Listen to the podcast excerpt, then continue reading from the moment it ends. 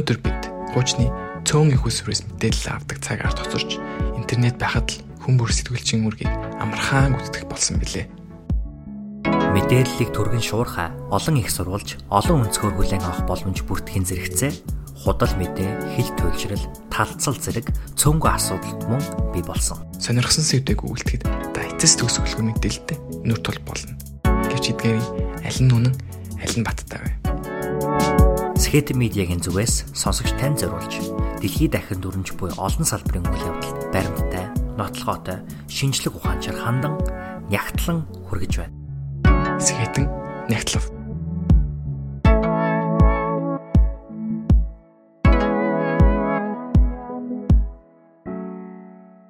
Бид өмнөх дугаар дээрээ Трамп ерөнхийлөгч асан хэрхэн Капитол руу хийсэн дайралтыг өдөөн турхирсан түүнээсээ болж хэрхэн Конгрессийн доод танхимд импичд болох буюу хариуцлага алдсны төлөө ял шийтгэл хүлээх магадaltaй болсон тухай ярилцсан байгаа.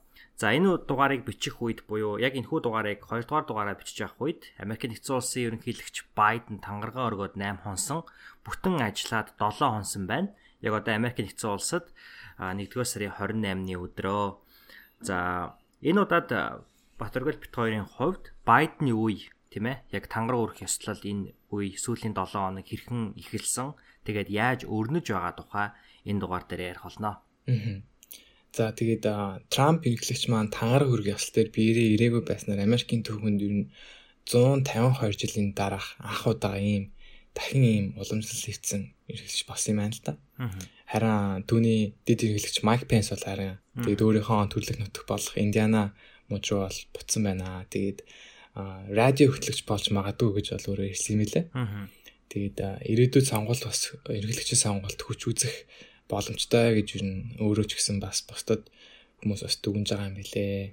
Аа.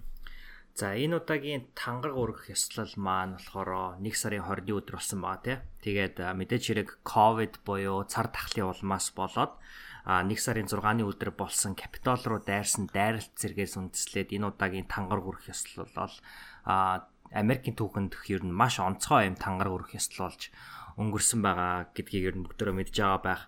За эндээс хамгийн сонирхолтой нь мэдээж хэрэг харуул хамгаалалт байсан болов уу гэж бодож байна. Маш их хүмүүс бол ерөнхийдөө бол энэ хүү тангар өрх ёслол жил болгон оролцдог. Энэ бол ерөнхийдөө бол ёслол төгөлдөр тэмдэглэн өнгөрүүлдэг одоо Америкуудын нэг баярын өдөр байдаг тийм ээ 4 жил тутам нэг удаа тэмдэглэдэг. Тэгээд өмнөх жилүүдийн одоо тангар өрх ёслолд оролцсон хүмүүсийн тоог харах юм бол орчин үеийн түүхэнд хамгийн рекорд өвдмээр тоог болохоор Америк нэгдсэн улсын ерөнхийлөгч 44 дугаар ерөнхийлөгч Барак Обама хамгийн анх удаа буюу 2019 онд тангар өргөх үед 1.8 сая хүн тухайн ёслол ирж исэн. А дараагийн удаа буюу 2013 онд ерөнхийлөгч Обама хоёр дахь удаага дахин сонгогдоход нийтдээ 1 сая хүн бол ирж исэн байдгийн байна. А энэ удаад бол яалтчгүй энэ тоо маш бага байсан. А гэхдээ мэдээж хэрэг хүмүүс бол гэрийнхаа зурагтаар интернетээр бол энэ тангар үрх ёслолыг хэдэн саяараа үзсэн нь бол ойлгомжтой. Ориглоо чамаас нэг сонирхолтой асуулт асуухад Обаматай харьцуулахад ер нь Трампын тангар үрх ёслолд чи анх хэдэн охин оролцож исэн гэж таамаглаж байна. За Обамагийн одоо тангар үрх ёслол Трампын тангар ёслолыг ингэж харьцуулсан зураг байсан шүү дээ. Хэдэн хүн байна гэд. Тэгээ Трамп болохоор өөрөө тухайд би санаж байна л да бараг хамгийн их хүн оролцсон энэ тагар хэсэл болсон болсон гэдээ ярьж исэн. Тэгээд тэр зурган дээр болохоор яалч бүр аюу зөөхөн байсан ил харагдсан байхгүй. Тэр миний бодлоор ингээд одоо дахиад нэг 100-аас 200 мянган хүн байсан юм болов. За маш төглөө. Маш төглөө. Юу юм бэ лээ? Ерөнхийдөө бол яг тухайн үед яг чиний хэлжсэнээр нөгөө Трамп амар хүмүүс оролцсон гэж ярьжсэн те. Гэтэл болохоор яг үнэндээ тухайн үеийн яг 2017 онд харж ирснээр бол нэг 700 мянган хүн оролцсон байна гэж бодож исэн байлээ. Гэтэл яг тэр тхүү тоо статистикийг бол ерөөсөө аль бие усаар мэдүүлэхгүй байсан. Тэгээ хүмүүс сая судалгаа хийж ажиглаж агаад хамгийн сүүл гаргасан тоогоор яг үнэндээ 300 мянгаас хамгийн ихдээ 600 мянган хүн ирж очсон байдалтай оролцсон байсан гэдэг тоо гарсан байсан байл 2021 онд тооцоолсноор. Тэгэхээр ер нь бол 300 мянган хүнгээ үүсэх юм бол чиний тоо бол маш ойрхон байлаа. За тангар үрх ёслол илтгэл тавьдаг штэ тэ ерөнхийлөгч нар. Тэр бол ямар ч тангар үрх ёслолын хамгийн чухал зүйл байдаг. Тэрэн дээр чиний бодлоор ерөнхийлөгч Жо Байдны тавьсан илтгэл ямар онцлогтой байсан бол? Үе үеийн ерөнхийлөгч нар өөрийнхөө илтгэлээр одоо өөрийнхөө ярих байгаа одоо хийх 4 жилийг бол тодорхойлдог л да өөрийнхөө ерөнхийлөгчийн 4 жил ямар байх вэ гэдгийг ер нь бол зааж өгдөг. Тодорхойлдог өөрт нь саналаа өгсөн хүмүүст зөв санал өгсөн шүү гэдгийг баталдаг. Саналаа өгсөн хүмүүст би та нарын итгэлийг олно гэж харуулах гэж хичээдэг. Ийм болдог. А тэгээ үе үеийн ерөнхийлөгч нар яадаг вэ гэхээр өмнө ихэнхдээ одоо policy буюу бодлого одоо би ийм ажил хийн, тийм ажил хийн гэж ихэнхдээ ярьдаг байсан юм байна л да. Тэгээд нийслэлнүүдийн үзэж байгаагаар энэ жил Байден яг юу хийсэн бэ гэхээр бодлого policy ярихаасаа илүү хүмүүсүүдийг нэгтгэх тиймэрхүү одоо хандлагатай өнгө айстай тийм яриаг бол хийсэн байна л да. To overcome these challenges to restore the soul and secure the future of America requires so much more than words. It requires the most elusive of all things in a democracy. Unity, unity, unity, unity, unity, unity. Unity. Энэ юунаас болж байгаа юм гэхээр энэ бол Америкийн нэгдсэн улс гэдэг улс маань түрүүний өмнөх дугаар дээр хэлсэн шиг үр дүн хожид байгаагүйгээр их илүү хуваагдсан байгаа. Тэгээ тэр хуваагдлыг ерөнхийдөө бол нэгтгэх хооронд нь одоо үүссэн шархыг одоо лентээр наах ч юм уу те зөвхөн сайжруулах тийм тийм яриаг бол ерөнхийдөө бол хийсэн байна. Тэгэхээр энэ яриаг хийснээс хойш хитгэн цагийн дараа гэхэд Байден өөрийнхөө зөөвөн оффист суугаад маш олон одоо шийдвэр тогтоол тушаалуудыг гаргаж эхэлсэн байсан тийм ээ. Тэгэхээр ер нь өнгөрсөн 7 хоногт одоо Байден ерөнхийлөгч болоо 7 хоногийн хугацаа, бүтэн 7 хоногийн хугацаа өнгөрөөд энэ хугацаанд ер нь Байден ямар ямар шийдвэрүүдийг гаргаад байгаа гэж харж байна. Аа энэ нь бол маш сонирхолтой үйл явдал болсон л да. Ер нь бол Байден Орсын ихний баг ихний цагаасаа л ажиллаа ол эхлээд хийсэн. Аа орхосоо өмнө мэдээж маш олон сарын хоногийн хугацаанд бол юу хийх ямар хийх ажил бол бэлтцсэн байсан, төлөвлөсөн байсан. Тийм учраас тэр хийсэн ажил нь бол эхний өдөр л харагдсан л да. Тэгээ юу хийсэн бэ гэхээр 17 executive order буюу одоо шийдвэрлэх тийм гар үсгийг зурсан шийдвэрүүд бол гаргасан байгаа даа.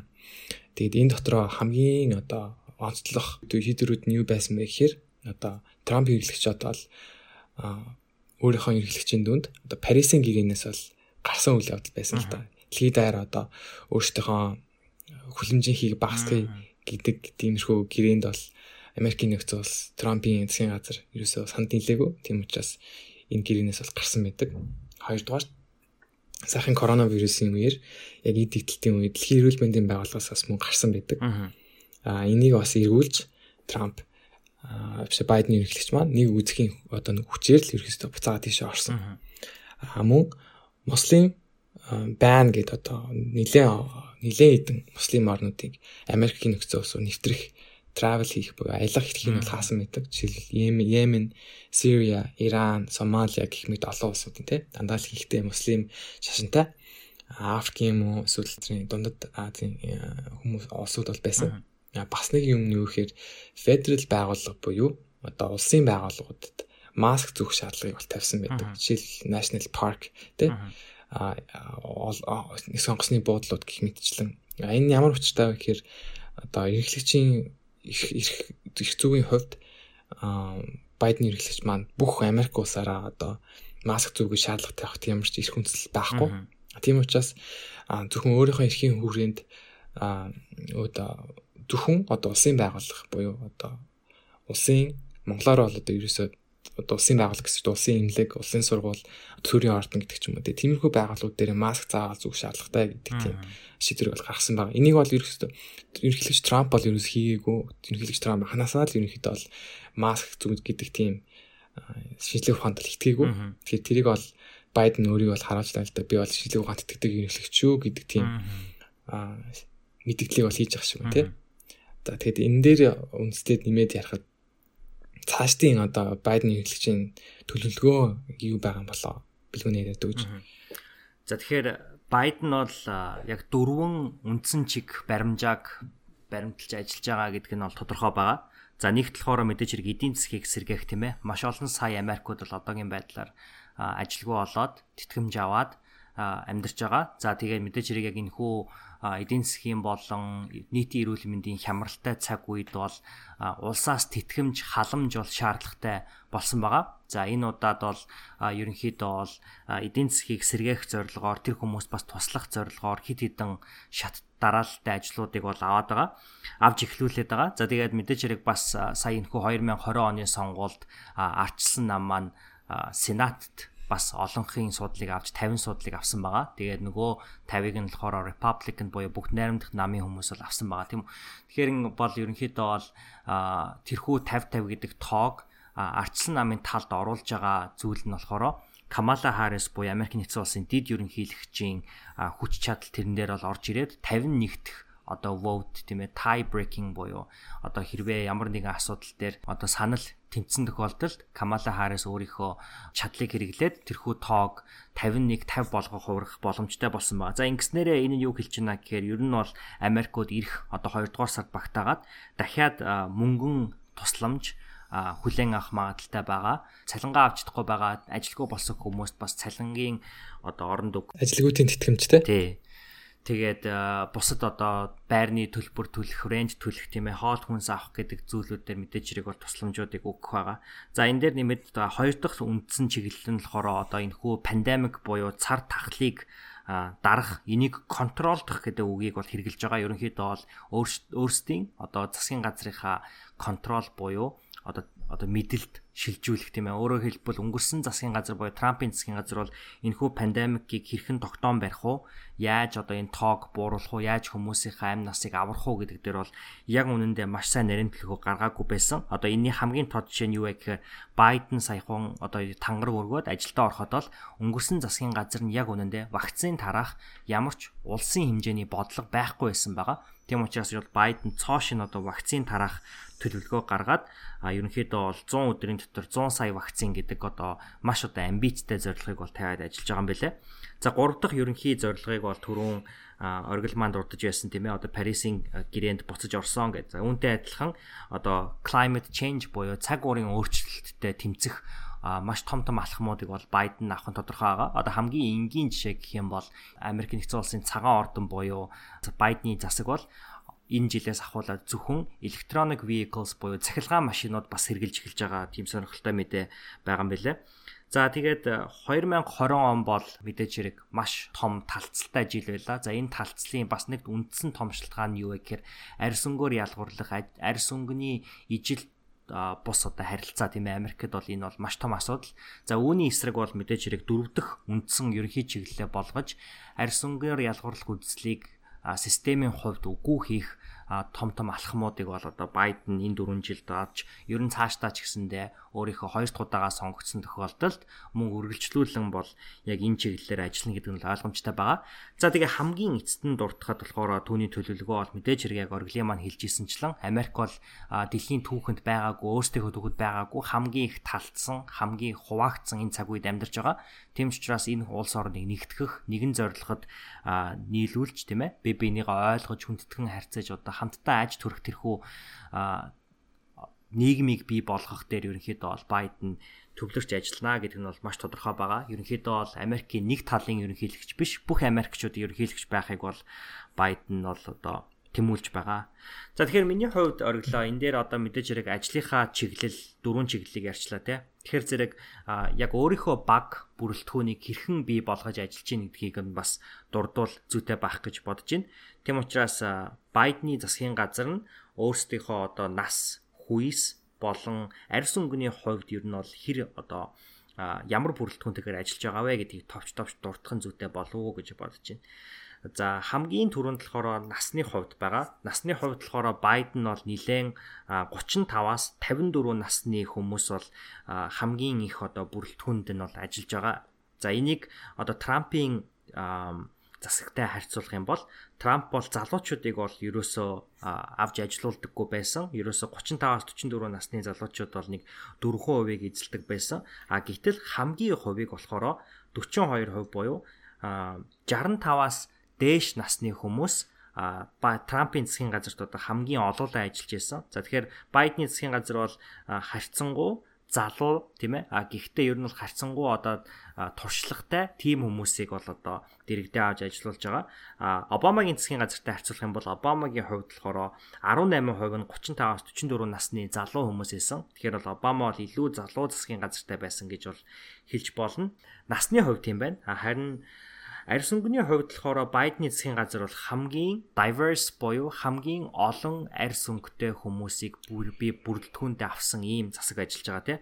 За энийг бол тоогоор нь харах юм бол ерөөсө 50% нь цагаан хүмүүс, үлдсэн нөгөө 50% нь people of color буюу өнгөт арьстай хүмүүс бол байгаа юм байна. За энэ өнгөт арьсны дундаа хамгийн их одоо тоог эзэлж байгаа нь 19% нь African American буюу хар арьстай хүмүүс, 15% нь Hispanic or Latino одоо хүмүүс бол байгаа юм байна. За харин хүүс хүүсний хувьд болохоор Байдны засгийн газар мөн бас тэнцвэртэй. За эрэгтэй хүмүүс бол Байдны засагт 54%-ийг эзэлж байгаа. Эмэгтэй хүмүүс болохоор 46%-ийг эзэлж байгаа. Энийг одоо Трампийнхтай харьцуулах юм бол Трампын засгийн газарт 83% нь эрэгтэй хүмүүс, ердөө 17% нь эмэгтэй хүмүүс байсан. За Обамагийн хувьд болохоор энэ нь 68 32 гэдэг хувийн харьцаатай байсан. Тэгэхээр бол өөрийнхөө одоо дид ерөнхийлөгчөөр ажиллаж байсан засгаас ч илүү одоо хүүсийн хувьд болохоор харьцангуй тэнцвэртэй засгийг бол одоо Байден ажиллуулж байгаа гэж хэлж болно. Ориглаа чи ингээд арьс арьсны өнгөний хувьд харангуут ер нь бол Байдны засгийн газар Трамп болон Обамагийн засгийн газараас ямар ялгаатай юм шиг байна. За Байдны бол 50% цагаан арьстай хүмүүс гэж байж штэ. Тэгэхээр Трампих 83 одоо хувь нь цагаан арьстай хүмүүс бол байсан байна тий. Тэр ерөөсөө өмнөх одоо өөр арьсны хүмүүс бол ерөөсөө тэдний дуу хоолой баш баг очиж исэн гэсэн үг байна л да тийм. Энэ маань ч гэсэн Трамп хэрэглэгчийн хийсэн шийдвэрүүдээс бол харагдчихлаасан л да. Зөвхөн одоо цагаан хүмүүстэйгээ яриа илүү дээд илүүд үздэг ч юм уу тэднийгээ чиглэсэн шийдвэрүүдэд маш гаргаж исэн. Тэгээ Обамыг харахаар мэдээж Трампыг хэрэглэгч бодох юм бол харьцангуй гайгүй. Гэхдээ Байден ерөнхийлөгч Обамагаа бүр давуулаад илүү олон төрлийн хүмүүсийг оруулсан ийм засгийн газрыг бүрдүүлчихснээс их сонирхолтой санагдаж байна л да. Тэгээд цаашдаа ч гэсэн хийх ажилт нь бас нэлээд тэр харагдах бах. Тухайн хүмүүсийн одоо сонирхол хүмүүсийн их ашиг бас нэлээд хамгаалсан тийм ажил бол хийх бахаа гэж би бодож байна. Тэгэхээр бол одоо яг энэ тоо статистикийг ингээ харангуут бол Joe Biden бүр Барак Обамагийн засгийн газраас ч илүү прогрессив буюу урагшаага харсан үзэлтэй гэж ерөнхийдөө бол хэлдэг тийм ээ харагдаж байна. Тэгэхээр ер нь Жо Байден үргэлжийн юм байсан юм уу? Ер нь яг Жо Байден болон түүний дэд ерөнхийлөгч Камала Харрис нар гэж яг хин юм болоо гэдэг сэдвээр Батөргөл маань биднэрт сонирхолвол. Жо Байден гэдэг хүнийг яг ямар ажил хийх гэдэг ямар ерөнхийлөгч болох юм бэ гэдэг мэдхийн тулд бид нэр тухайн түүний намтраас бол ялчгүй бол мэдэх шаардлагатай болж байна л та. Тэгэхээр Джо Байден гэдэг хүн маань Джо 1942 онд анх төрсэн юм байна. Тэгээ одоогоор 78 настай Америкийн түүхэнд сонгогдсон хамгийн өндөр настай ерөнхийлөгч болсон юм байна.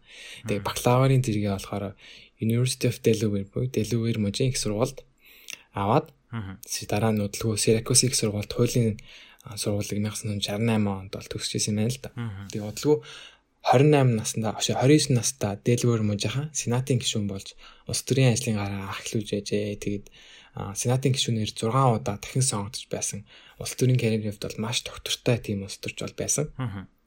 Тэгээд сенатын гишүүний ажлаа 2008 онд эрхлэгч Обамагийн дэд эрхлэгч болохоор олгож исэн. Тэгээд 2008 онд Байден эрхлэлийн сонгууд арчлан намаас бас нэр дэвчсэн. Гэхдээ амжилт олоогүй. Харин оронд нь Обама хэрэглэгчтэй хүч нэгтгээд нэг баг олоод дэд хэрэглэгч нь бол болсон байдаг. Тэгээд Байден гэдэг хүнийг юу нэг ярихын тулд тухайн хүний одоо болсон өөрт нь болсон одоо их түнд хэцүү үйл явдлыг бол ярихаас ярихгүй бол болохгүй юм л да тийм. Тэгэхээр сэтгэлийн тэнхээтэй сэтгэлийн хаттай хүн гэдгийг нь бол Байден эрхлэгчээс л ялч гоод бол харах шаардлагатай болоод байна л да.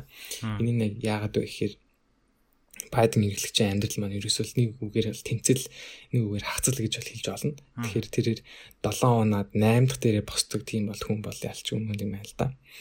Жишээ нь юу гэхээр 1972 онд түүний ихнэр Нэлан болон түүний нэг настай охин Наоми харамсалтайгаар ат туслын улмаас олноос барж исэн. Тэгээд азар түүний хоёр хүү бол амьд үлдчихсэн. Хантер болон Био гэдэг хоёр хүн бол хамт амьд үлдчихсэн байгаа. Тэгээд тухайн энэ үедээ бол Байден маань хэд настай л 29 настай байсан тий. Маш залуу байгаа дээрээ ийм аа хүнд хэцүү үйл явдалтай тулгарч исэн байгаа. Тэгээд улс төрийн гараа дөнгөж эхэлж байхад нь ийм хагцал тохиодно гэдэг бол хиний чанд бол хэцүү асуудал. Тэгэхээр мань хүн гэхдээ яг энэ дээрээ шанталгүй улс төрийн гарьяараа маш амжилттай эхлүүлээд цаашдаа бол бид нар ямар хэмжээнд улс төрж байсан бэ гэдгийг бол бүгдээр харсан. Аа 2015 он дахиад нэг харамсалтай үйл явдал болсон сайхан 5 жилийн өмнө. Энэ юу гэхээр түүний том хүү Joseph Bio Biden тархины хоод австай олон жил тэмцээ эцэст нь бол нас орсон.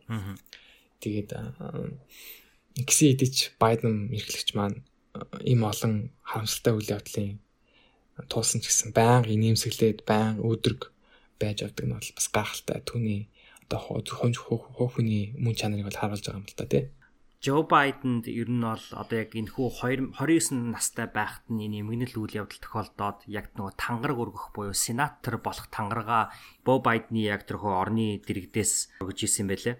Тэр үед угаасаа ингээд сенатор болцсон тийм ээ. Тэгэнгүүт бас амьдралд нь маш их юм гашуудалтай чиний хэлснээр одоо юм хагцлаар дүүрэн жил өрнжсэн учраас түүний одоо энэ хүү хагцлтайгаа тэмцэлдэх арга хэрэгсэл нь ажлаа одоо маш сайн хийх болж хувирсан байна Тиймч болохоор тухайн үед одоо 1980-аад онд мастер хууль санаачлагч болно гэдэг одоо альва зүйлийн мастер болно гэдэг энэ үг хэллэг их тийм түгээмэл хэрэглэгддэг байж л тэ. Тэмчлэхээр ерөнхийдөө бол Байден бол тухайн үед бол Америк шиг одоогийн юм хуваагдaltaй байгаагүй учраас айл айл таллыг ер нь бол сонсдог. Айл айл таллын одоо ямар нэгэн үзэл баримтлалд хит баригдахаас илүүтэйгээр ерөнхийдөө бол одоо маш сайн хууль санаачлагч байхын төлөө тэрнийг эрхэмлж ажиллаа хийдэг байсан гэж ерөнхийдөө бол үздэг юм байна лээ. За тэгээд Evan Osnos гээд Byte-ийн намтар зохиолыг одоо бичсэн хүний үзэж байгаагаар а түүний одоогийнх шиг хууль санаачлах хэрэгжүүлэхдээ маргалдаа мэтгэлзээнийг дэмждэг нөгөө талаа сонсоход сонсдог болоход хүргэсэн одоо энэ одоо өөрийнх нь чадварт бол яалтчгүй амьдралынх нь үйл явдал бол нөлөөлсөн байт юм бэлээ. Тэгэхээр тэрээр бол одоо ятгалгийн хүч чадал буюу the power of persuasion тийм ээ.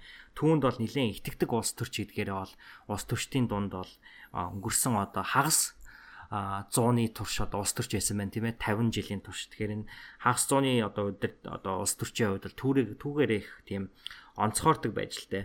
За тэгээд мэдээж хэрэг Байден бол ба ерөнхийлөгч болохын тулд Bernie Sanders буюу сүүлийн үед нэлээд од болоод байгаа тийм ээ нөгөө нэг юм бэйли өмсцэн яг нөгөө тангар үрэх ёслолоор ингээд амар дулаахан сууж исэн од болоод байгаа нөгөө мим өвөөгийн өвөөг ер нь бол одоо ялж гарч ирсэн байгаа. Арчсан намын үндэсний чуулганы төлөөлөгчдийн төлөөлөгчдөөс хамгийн их одоо саналыг ерөнхийдөө бол авч 2000 20 оны ерөнхийлөгчийн сонгуульд мэдвэрсэн байна.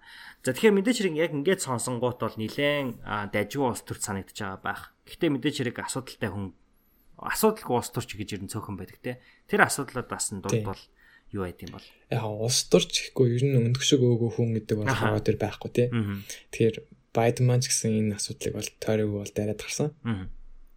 Тэгэхээр энэ юунаас харагддаг гэхээр мань хүн 2000 одоо 2001 оны 9 сарын 1-ний үйл явдлаас болоод одоо Иракийн дайн бол тэгдэжсэн л тухайд л тэгдэжсэн тий. Бид нар мэднэ.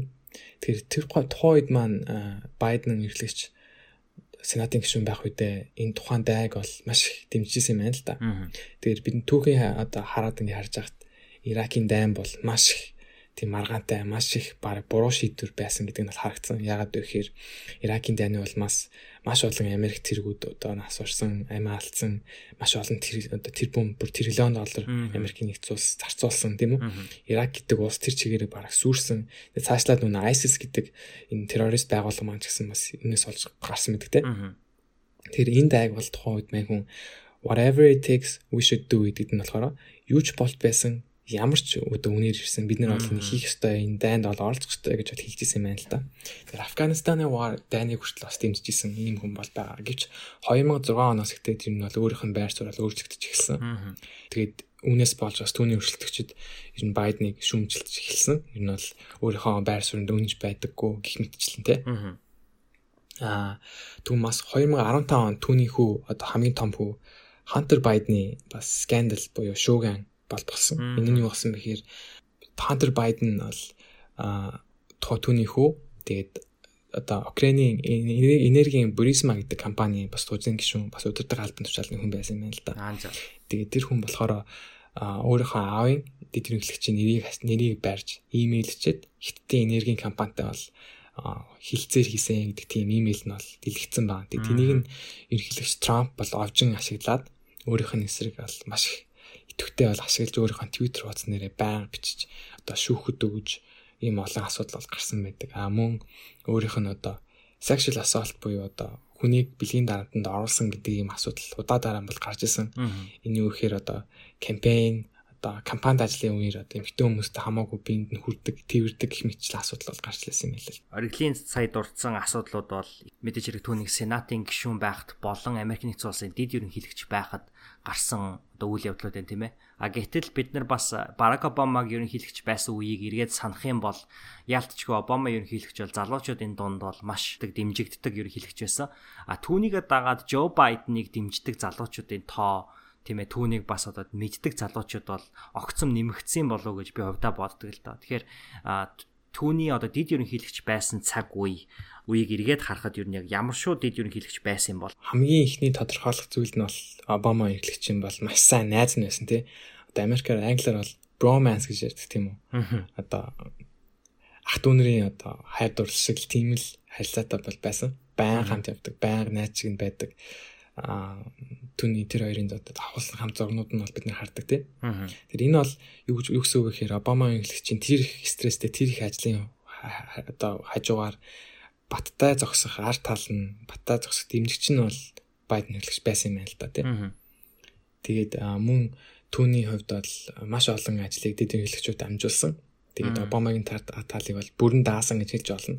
Ихэвчлэн гадаад бодлогын уулзалт хилцэл зэгт үнэтэй хувь нэмэр бол оруулж авсан байдаг тийм. Дэд хэрэглэгчийн ажил бол Америкт тодорхойгүй жоохон базын тодорхойгүй байдаг тийм. Одоо сенатын хайна хаалтгаас өөрөөр бол тэгж бүр битсэн ийм үр игралтай гэсэн байдаг учраас үе үеийн дэд хэрэглэгч нар хөвчлэн одоо артлын нарын дааж ингэж явдаг. А мэдээж одоо эрхлэгч нь нас орох ч юм уу золгийн явдал тохиолсон тохиолдолд тухайн эрхлэгчөө орлох тийм айлаг бол бас үүсдэгдэг даа чи түрүүн хэлсэн шүү дээ арыг нь бүрэн даадаг гэд. Тэнгүүд одоо Джо Байден ерөнхийлөгчийн ард мэдээж хэрэг Камала Харрис гэж хадагтай байгаа. Тэгэхээр энэ хадагтайн тухай танилцуулбал.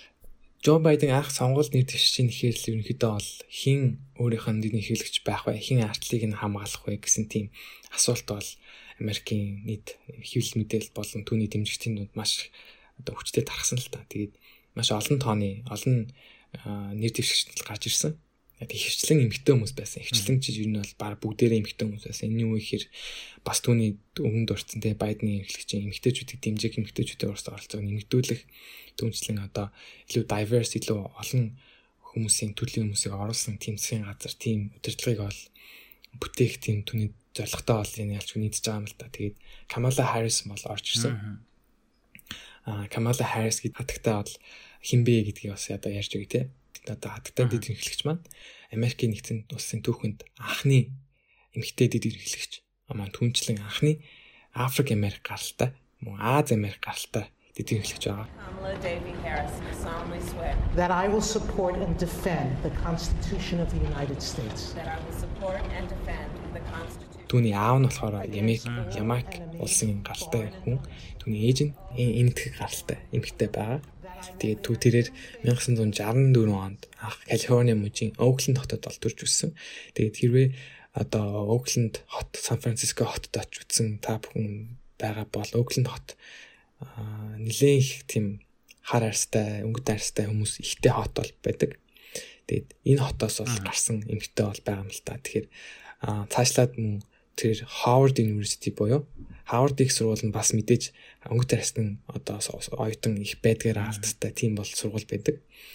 А бакалаврын зэрэг тэрээр хамгаалаад цаашлаад Калифорнигийн их сургуулийн Хастингийн хуулийн сургуулийг бол төгссөн юм байна. Тэгээд төгсөөд бас 1990 оноос хойш өөрийн хуулийн карьераа Оклендийн Alameda County ба Alameda дүүргийн прокуророор газраас эхлээд 2010 хүртэл бол ажиллаад 2000 10 онд дэвшээд дэвсэр 2010 онд Калифорни мужийн бүр ерхий прокурор хүртэл дэвсэн юм бол эмэгтэй байгаа. Тэгээд 2016 онд тэрээр түүхэнд хоёр дахь өнгөт арьстай мөн зүүн дазгаралтай сенатын гишүүн бол болж исэн юм байна. Тэгээ 2020 онд арслан намаас бол тэр өрсөлдсөн. Тэгээ эхнээсээ хандив цуглуулах ажил дээр маш сайн амжилттай бол ихсэн байгаа. Тэгээд харамсалтай нь 2019 оны 12 сард өөрийн нэрийг бол татсан байдаг. Энэ нь бол нэг Америкийн сонгуулийн онцлогтой холбоотой. Америкийн сонгуул одоо намаасаа нэр дэвшихийн тулд маш их бараг төрөний ерөнхийлөгчийн сонгуульд нэр дэвшиж байгаа ялсгаал илүү баг илүү ажил олдог тий. Тэгээ Iowa гэдэг мужид бол хамгийн анхны одоо сонгуулийн үйл ажиллагаа эхэлдэг. Iowa мужийг одоо ялж чадах юм бол дараагийн дараа дараагийн мужид өршөлтөх одоо эрхэм буюу эрхэмж нэгддэг одоо ихтгэлэнж нэмэгддэг ингээ ингээ явдаг. Түүний хувьд бол мэдээж хангалттай дэмжигчдийг авч чадаагүй учраас сонгуулиас бол инээд татаад тэгээ Байден эрхлэгч болно. Цаашлаад түүний өрсөлдөгч Берни Сандерсон гэдэг ингээ өрсөлтөө бол явсан байна. Тэгээд энэ маань бас их тийм түүхэнд ч юм уу одоо бидний одоо үед амьдарч байгаа үед маш их тийм одоо онцлмоор үйл явдал ялч юм л дөө тэ Камала Харрис гэдэг ихтэйгийн дэрэгдэгч болсон үйл явдал нь яагаад вэхээр одоо өнгөт арьстай хүмүүст одоо мөн өнгөт арьстай ерхийлэгч ингээ Америкийн нэгдсээс болчлоо. Энэ бол маш мөрөөдлийн асуудал байсан. Одоо ингээ өнгөт арьстай эмгтэй хүн эрхлэгч дэд эрхлэгч болно гэдэг бас нэг том үйл явдал. Тэг ялангуяа өнгөт арьстай эмгтэй юм уу Аз эмгтэй гэдэг хувьд бас одоо зүгээр нэг өөхлөнд одоо буураа энгийн айлаас өссөн эмгтэй охтууд жоохон жоохон өсөж байгаа охтууд та нар ч гэсэн чадна шүү та нар ч гэсэн эрхлэгч болж болно шүү гэдэг тийм итгэл найдварыг өгсөн үйл явдал болж байна л да. Тэрнээс өмнө одоо юу гэдэг чинь одоо ядуу дүрх төсөж байгаа хар охин би эргэлж болно гэж мэддэггүй мөрөөдөж чаддаггүй байсан бол одоо бол Камала Харрис юмхт хатагтайг хараад бол тэгж мөрөдөж чадах боломжтой болж байна гэсэн үг лээ тийм ээ. За тэгэхээр мэдээч хэрэг одоо Америкийн нэгдсэн улс хамгийн анхны эмэгтэй ерөнхийлөгчтэй болж байгаа учраас түүнийг дагаад бас хамгийн анхны тэргүүн ноёнтой болсон байгаа тийм англи хэлэнд second gentleman гэж хэлж байгаа. Тэгээд миний бодлоор одоо дид тэргүүн ноён гэж хэлэх юм болов оргил юу гэж дуудана гэж бодож байна. Нүг онгоцонд ladies and gentlemen гэхэрч хатагтай ноёдоо гэх юм чинь дид ноёдон гэх юм болоо. Ерөнхийдөө бол Америкийн нэгдсэн улсын дид ноён гэдэг үгийг анх удаа ингэж одоо хэлнэ гэдэг бол үнэхээр түүх бүтээсэн энэ үйл явдал бол болж байна. За тэр одоо тэргүүн дид ноён нь хэн бэ гэхээр Dog Emhoff гэдэг нэртэй хуульч профессор байгаа. За одоо бол мэдээж хэрэг энэ хүү хуулийнхаа фирмыг орхиод дид тэргүүн ноён байх авлаа ажилдаа орсон байгаа а энэ эрхмийн бодлохоор нэлээд одоо progressive боёо бас нэлээд урагшаага харсан үзэл баримталтай хүн гэдгийг дараах хэлсэн үгнээс нь бол харж болно. Тэрээр одоо яг энэхүү тэргуундэд ноёны одоо үүрэгт альбан тушаал гэх юм уу тийм ээ энэхүү үүрэгт одоо орохоос өмнө юу гэж хэлсэн байдаг вэ гэхээр үе үеийн эмэгтэйчүүд энэхүү талбарыг хэрэгжилж одоо өөрсдийнхөө итгэдэг зүйлсийн төлөө дуу хоолойгоо өргөж мөн бидний дотоод болон гадаадд байгаа байгууллагуудад итгэх итгэлийг бүтээн барих ажлыг бол хийсээр ирсэн байдаг аа. Гэвч үнэндээ тэдний хийсэн ажил бүтээсэн зүйлсийг тийм ч их яриад байдаггүй А би бол тэдний мөрөн дээр зогсож байгаа. Тэдний би болгосон түүх дэвсэн шаажран одоо дэвсэн сайжрах үлдээсэн өвийг би дид тэргүүн ноёны хувьд өргөлжлүүлэх болно гэж одоо хэлсэн байдаг юм байна. За нөхрийн хувьд бол тийм байт юм. Хүүхдүүдийн хувьд болохоор Kamala Harris нь хоёр хүүхдийн ээж, Ella and Cole гэдэг хоёр хүүхэдтэй байгаа. А тэдний гэр бүл step mom буюу одоо хойд ээж гэдэг үгэнд дургу учраас Kamala-г Momala гэж одоо дууддаг юм байна.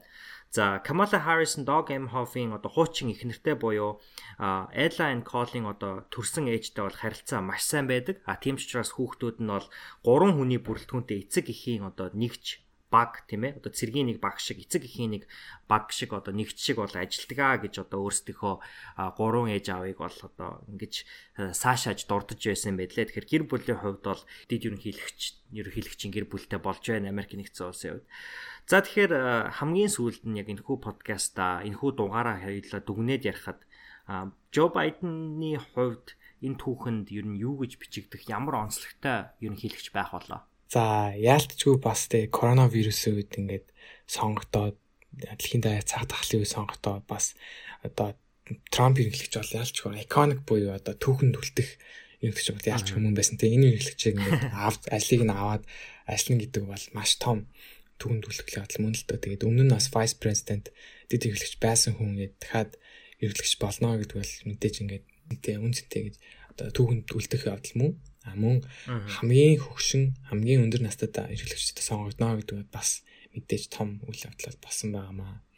Тэгээд бас нэг асуудал нь юу гэхээр настай холбоотой юм л дайлчгүй одоо ихэнх одоо улс төрийн одоо экспертүүд мэрэгчлэнүүд юу гэж дүгнж байгаа гэхээр Жо Байдны хүмүүс ерөөсөө нэг нэг удаа ажиллах гэж дүгнж байгаа юм л дээ. Тэгээ дараа одоо 4 жилийн дараа тэр 82 настай байна те 82 настай гэдэг чинь нэлээд өндөр нас. Тэгээд дахиад цаашаа өршөлдөхгүй болов гэж үзэж байгаа. Тэгэхээр хэрэг өрсөлдөхгүй тохиолдолд бол яалчгүй Камала Харрис дидийн эрхлэгч маань бол шууд ажлыг нь аваад дахиад сонгуульд нэр дэвшээд ингээд явах тийм боломжтой гэж бол харж байна л да. Тэгэхээр хэрвээ Камала Харрис маань эрхлэгч болчих юм бол Америкийн түүхэнд хамгийн анхны эмэгтэй эрхлэгч болно те 2016 онд Хиллари Клинтон хийж чадаагүй үйл явдлыг бол хийж хийн мөн түрүүний би хэлсэн шиг одоо өнгөт арстай а мөн Аз гаралтай ийм эрхлэгчүүд болох юм аа тий.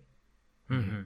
Тэгээ нэмээд хэлэх зүйл нь бас Камала Харрис болон Жо Байдны хувьд бол насны ялгаа маш өндөр. 22 насны зөрүүтэй буюу одоо нэг бүхэл бүтэн generation буюу үеийн ялгаатай байгаа. Тэгэхээр одоо Жо Байден 29 наснда сенатор болж явхад Камала Харрис ерөөсө 7 настай охин байсан гэд төсөөлөд үзээрэй. Тэгэх юм бол хэрвээ Камала Харрис өөрийгөө үнэхээр сайн батлаад, сайн ерөнхийлөгч, дэд ерөнхийлөгч байгаад магадгүй Жо Байдны эхний одоо term дуусах үед Камала Харрис ерөнхийлөгч нэр дэвшсэн тохиолдолд тэгээ сонгогдсон тохиолдолд үеийн шилжилт бас болох магадaltaй байгаа тийм ээ.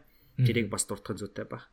За эцэст нь миний хувьд дурдаад хэлэх ёстой зүйл нь юу вэ гэж бодож байна гэхээр Байдныг ингээд харангууд бол хамгийн их өөрчлөгдөж хувьсаж байсан ерөнхийлөгч байгаа. Ерөнхийдөө бол тэрээр бол нэлээд одоо урагшаага харсан буюу прогрессив үзэл баримтлалтай. Аа тэгээ тэрээр бол би түрүүнд дурдж яснаар ятгалгын хүч чадалд бол нэлээд итгэдэг цаг хугацаа гэдэг бол үргэлжийн байга хувьсаж өөрчлөгдөж байдаг. Түүнийгээ дагаад хүмүүсийн одоо ашиг сонирхол бол өөрчлөгдөж байдаг. А Жо Байден бол өөрөө бол Америкийн ард түмний төлөө ажиллана. Америкийн ард түмний гол одоо хоёр ялахгүйгээр ерөнхийдөө бол ажиллана гэсэн байгаа. Тэгэхээр нийт ард иргэдийнх нь олонхын одоо хүсэл сонирхол, ашиг сонирхол юу байна? Түүнийг бол цаашаага үргэлжлүүлэн харах тийм чадaltaй ерөнхийлөгч гэдгийг бол сүүлийн бас 7 хоногийнх нь ажлаас л харахад бол мэдэгдэж байгаа. За тэгээд эцэст нь хэлэхэд бол энхүү одоо Жо Байден гэдэг шинэхэн ерөнхийлөгч томилогдсноор олон улсад бол одоо харилцаа холбоо, олон улсын харилцаанд бол нэлээд их өөрчлөлтүүд бас гарч ирэх болов уу гэж бол дэлхийд даяар ажиглаж байгаа. А мэдээж хэрэг бол Жо Байдны хувьд үргэлжлүүлэн харилцаагаа дэлхийн бусад хүчирхэг орнуудтай сайжруулахыг бол эрхэмлэж байгаа. Тэгэхээр зэрэг үүнийгээ дагаад харилцаа одоо дэлхий дээрх байгаа янз бүрийн одоо түрүүнд дурдчихсан дайн, шууган эдэр бол намжих байх, арай гайгүй байх байх тийм ээ. Гэхдээ нөгөө талаар болохоор Жо Байден бол нилээн одоо climate change буюу цаг уурын өөрчлөлтөд тэмцэж байгаа учраас бол цаашдаа ер нь дэлхийн улс орнуудаас хүлэмжийн хийг багасгах шаардлагыг бол Америк нэгдсэн улс бол 50 гэдгийг нь бол ойлгомжтой ер нь бол тэгж харж байгаа. Тэгэхээр тэр бас Монголд яаж нөлөөлөх бол гэдгийг бас харах нь сонирхолтой байх болов уу гэж бодож байна. Ерхийдээ бол бэлгүүнээ бүх юмыг товчхон аягүй сайхан дүгнжлээ гэж бодож байна. Тэгээд тааж гисэн бас өөрөө судалгаа хийгээд энэ шин засгийн газар маань Монголд ямар одоо үр дагавар авчрах вэ? Биднэрт яаж нөлөөлж болох вэ гэдгийг бас сайн судлаад өөрийн гэсэн дүгнэлтийг хийгээрэй гэж би та бүхнээр хүсмээр байна. Аа, эх 4 жил, өмнөх 4 жилээс илүү байгаасаа энэ сайхан үгээр энэ дугаар өндөрлүүлэе гэж бодож байна.